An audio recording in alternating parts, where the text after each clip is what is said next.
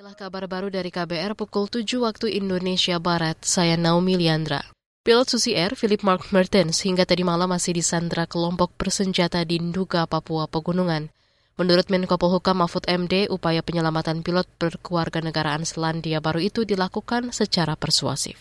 Penyanderaan warga sipil dengan alasan apa pun tidak dapat diterima.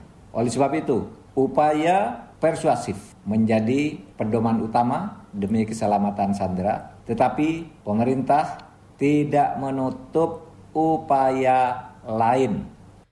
Itu tadi Menko Polhukam Mahfud MD. Sementara itu, kelompok bersenjata di Nduga, Papua Pegunungan mengatakan penyanderaan pilot Susi Air Philip Mark Mertens tidak untuk pendapat tebusan. Rekaman video yang diterima KBR menunjukkan seseorang yang membawa senjata laras panjang menyatakan penyanderaan dilakukan untuk menuntut kemerdekaan Papua. Kami hanya ingin memerdeka. Jadi kami minta uh, di wilayah Duga, Kodam 3 Duga Matarakma, 32 listrik yang sementara kami bilang di pengungsi itu tempat pengungsi itu tidak. 32 listrik ini saya akan bawa orang ini sampai putar terus sampai Papua merdeka baru saya akan lepas. Jadi kami santara orang ini untuk Papua Merdeka saja. Tidak ada minta lain-lain. Sementara itu, tiga diplomat Selandia Baru dan dua staf Kemenlu Republik Indonesia tiba di Timika, Papua Tengah. Mereka memantau perkembangan pencarian pilot Philip.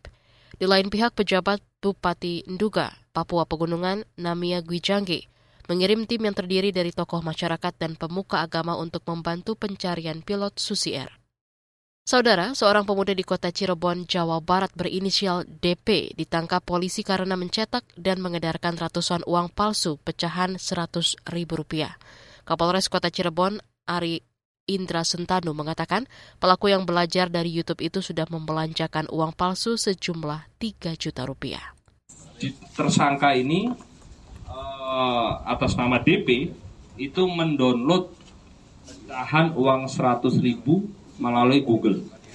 Kemudian diedit menggunakan handphone dan diprint menggunakan printer biasa, dicetak 260 mata uang pecahan 100 ribu yang diduga palsu.